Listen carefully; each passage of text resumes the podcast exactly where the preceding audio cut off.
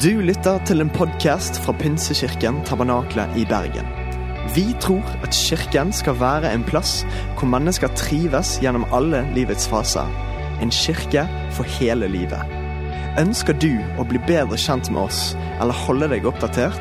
Besøk vår Facebook-side eller ptb.no. Her er ukens tale. Men allerede sånn som vi har det i dag, så har vi faktisk i vårt land og vårt, vår del av verden en evne til å bety en forskjell òg for andre. Og da vil jeg oppfordre alle til å ha med i bønn. OK, Gud, er det noe jeg skal være med og bidra og hjelpe på? Og så skal jo dette her lede til en form for forkynnelse. Og Det siste kvarteret så skal jeg prøve å gi en sånn miniversjon av en forkynnelse. Den skal høres ut som følger. Vet du at De første årene av min tjeneste Jeg har nå vært i tjeneste i nå må jeg telle 13 år. Så jeg i, var ferdig med bibelskole og begynte å jobbe i menighet. Og De første årene så hadde jeg en sånn tanke om at da å være en kristen leder, det betyr at jeg på en eller annen måte må mestre dette livet veldig godt. Og hvis jeg blir veldig god i Jesuslivet, jeg blir god på Jesus, jeg har kontroll på greiene, jeg synder nesten ingenting, kanskje helst ingenting, da kan jeg være en god kristen leder. Jo mest mulig av min egen svakhet jeg får ut av systemet, jo bedre kan jeg være en leder. Og det holdt jeg på med faktisk en god del år. Jeg holdt på å jobbe med min egen eh, karakter. Eh, og da holdt jeg frem, faktisk fremdeles på med sånn spoiler alert. Men jeg tenkte at min, evnen min til å leve godt med Jesus, det er det som teller når jeg skal være en kristen leder. Et forbilde, et eksempel. Og så klarte jeg å gjøre det der en god del år. Faktisk nesten syv år hadde jeg den innstillingen. Og så gikk det ikke lenger. Så jeg gikk på en smell, og jeg skal ikke bruke masse tid i dag på å fortelle om det, men det viste seg at det var veldig slitsomt å ta ansvar for sin egen åndelige utvikling. Og basere det på egen disiplin og egen kraft. Sånn at når jeg nå har mikrofonen, så kan jeg òg være fristet til å late som at ja, du vet, pastor Sakriassen, han har kontroll på greiene. I got this covered. Kom til meg, jeg har alltid et godt svar. Nei, det har faktisk ikke jeg. Det er ikke alltid jeg har helt kontroll på greiene. Faktisk kan livet av og til være både krevende, utfordrende og vanskelig. Og mitt personlige eksempel som du skal få i dag, enten du er interessert eller ikke, for nå er det jeg som har mikrofonen. Så er det sånn at når jeg skulle reise til India, så var jeg i utgangspunktet ikke helt sånn toppgiret på denne turen. Eh, det hadde litt forskjellige omstendigheter. Jeg skal ikke gå inn på alle detaljene der, men blant annet så hadde jeg eh, tre barn som alle fikk lungebetennelse i ukene rett før. Eh, og det er jo faktisk ikke så ofte at alle barn får lungebetennelse, men det var en spesielt smittsom mykoplasma, heter det, bla, bla. Er det noen som går på medisinstudiet her, forresten? Ok, ingen sett. Men eh, i alle fall så var det en forferdelig slitsom innspurt. Masse våkenhet der, mye styr. Og jeg skal fortelle deg en ting om hvordan det er å reise til India. I India der har ikke de sånn langtidsplanleggingsmøte på forhånd. Sånn at Det er faktisk ikke sånn at når jeg skal reise til India, så får jeg ei liste fra mine venner i India som sier ja, nå, Asle, når du kommer ned til India nå, så skal du først ha den dagen der, og så skal du tale på søndagen. Så skal du ta den med ro, og så kanskje på torsdagen leder du et bønnemøte, og så er vi ferdig med grena. Du veit ikke helt hva som kommer til å skje før du sitter. Og det har jeg fått erfart mange ganger på denne turen. Og jeg visste om dette, for det har jeg hørt. Og jeg tenkte herlig fred. Når jeg skal reise, Jeg hadde jo planen klar en måned før. Da tenkte jeg yes, nå skal jeg sette meg ned. Jeg er ikke så vant til å preke på engelsk. Jeg er jo fra Osterøy, tross alt.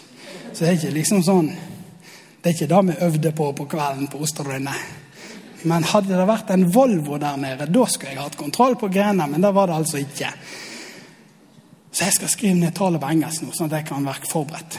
Men så begynte førstemann med lungebetennelse, og da ble jeg våken etter. Og så begynte andremann, og så plutselig var turen der, og jeg hadde ikke skrevet ned mer enn fire bibelvers som jeg hadde med meg på engelsk.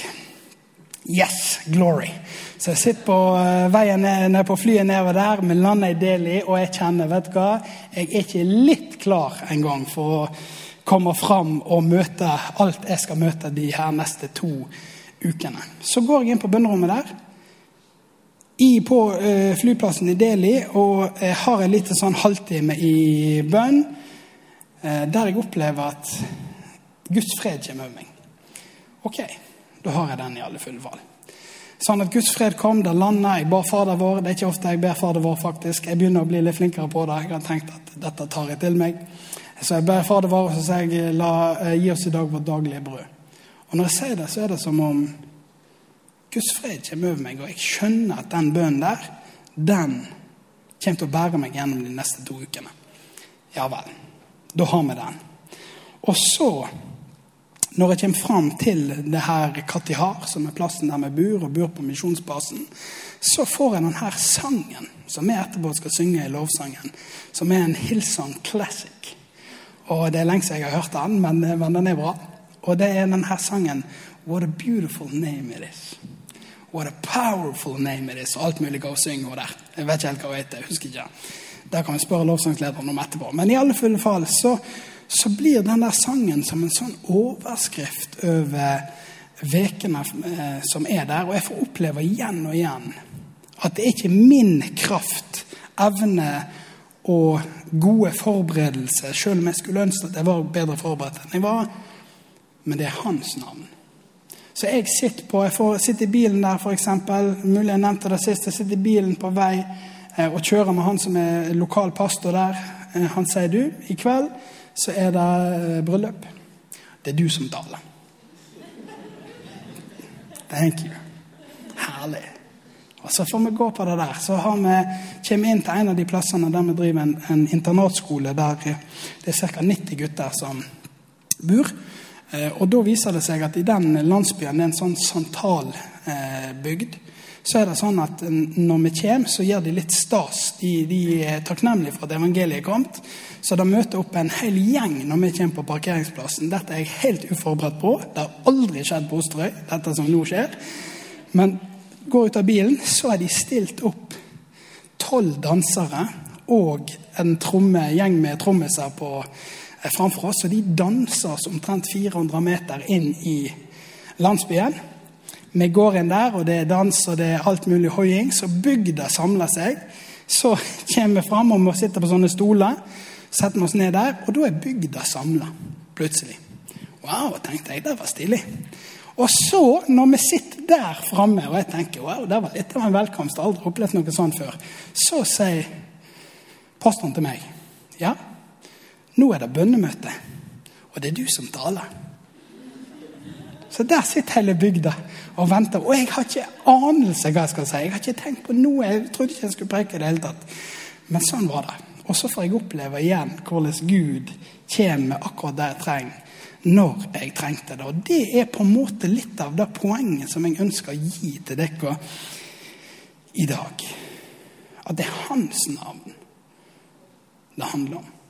Det som er vår styrke, det er faktisk ikke først og fremst hvor fortreffelig du er, om det er som eh, trosforsvarer eller som predikant eller ditt for en datt, hvor mye bøker du har lest, og hvor flink du har vært med bibellesingen akkurat denne uken, eller hvor sterkt bønnelivet ditt er. Alle de tingene er flott. Og jeg går etter det. Jeg ønsker å ha et sterkt bønneliv. Jeg ønsker å lese mye i Guds ord. Jeg ønsker å studere og lese meg opp på det jeg kan. Men når alt kommer til alt, så er det ikke det som er det viktige for deg og meg. Det er dette navnet. Jesus. Det er han som virkelig betyr den store forskjellen i våre liv. Og Kanskje kan vi se litt av dette her nettopp i Guds ord, der vi ser hvordan Jesus når han blir født Vi har jo nå dette navnet Jesus, og kanskje du har et Det er litt forskjellig hvordan vi eh, er vant med navnet Jesus. Noen er jo vokst opp i heimer der navnet Jesus gikk i et bankende kjør der det var Jesu navn både til morgen og kvelds og middag og alt for noe. hva det var. Og Du ble lyst velsignelsen over hver kveld, og jeg vet ikke hva. Det kan godt hende. Men andre har jo vokst opp med at Jesus var et banneord.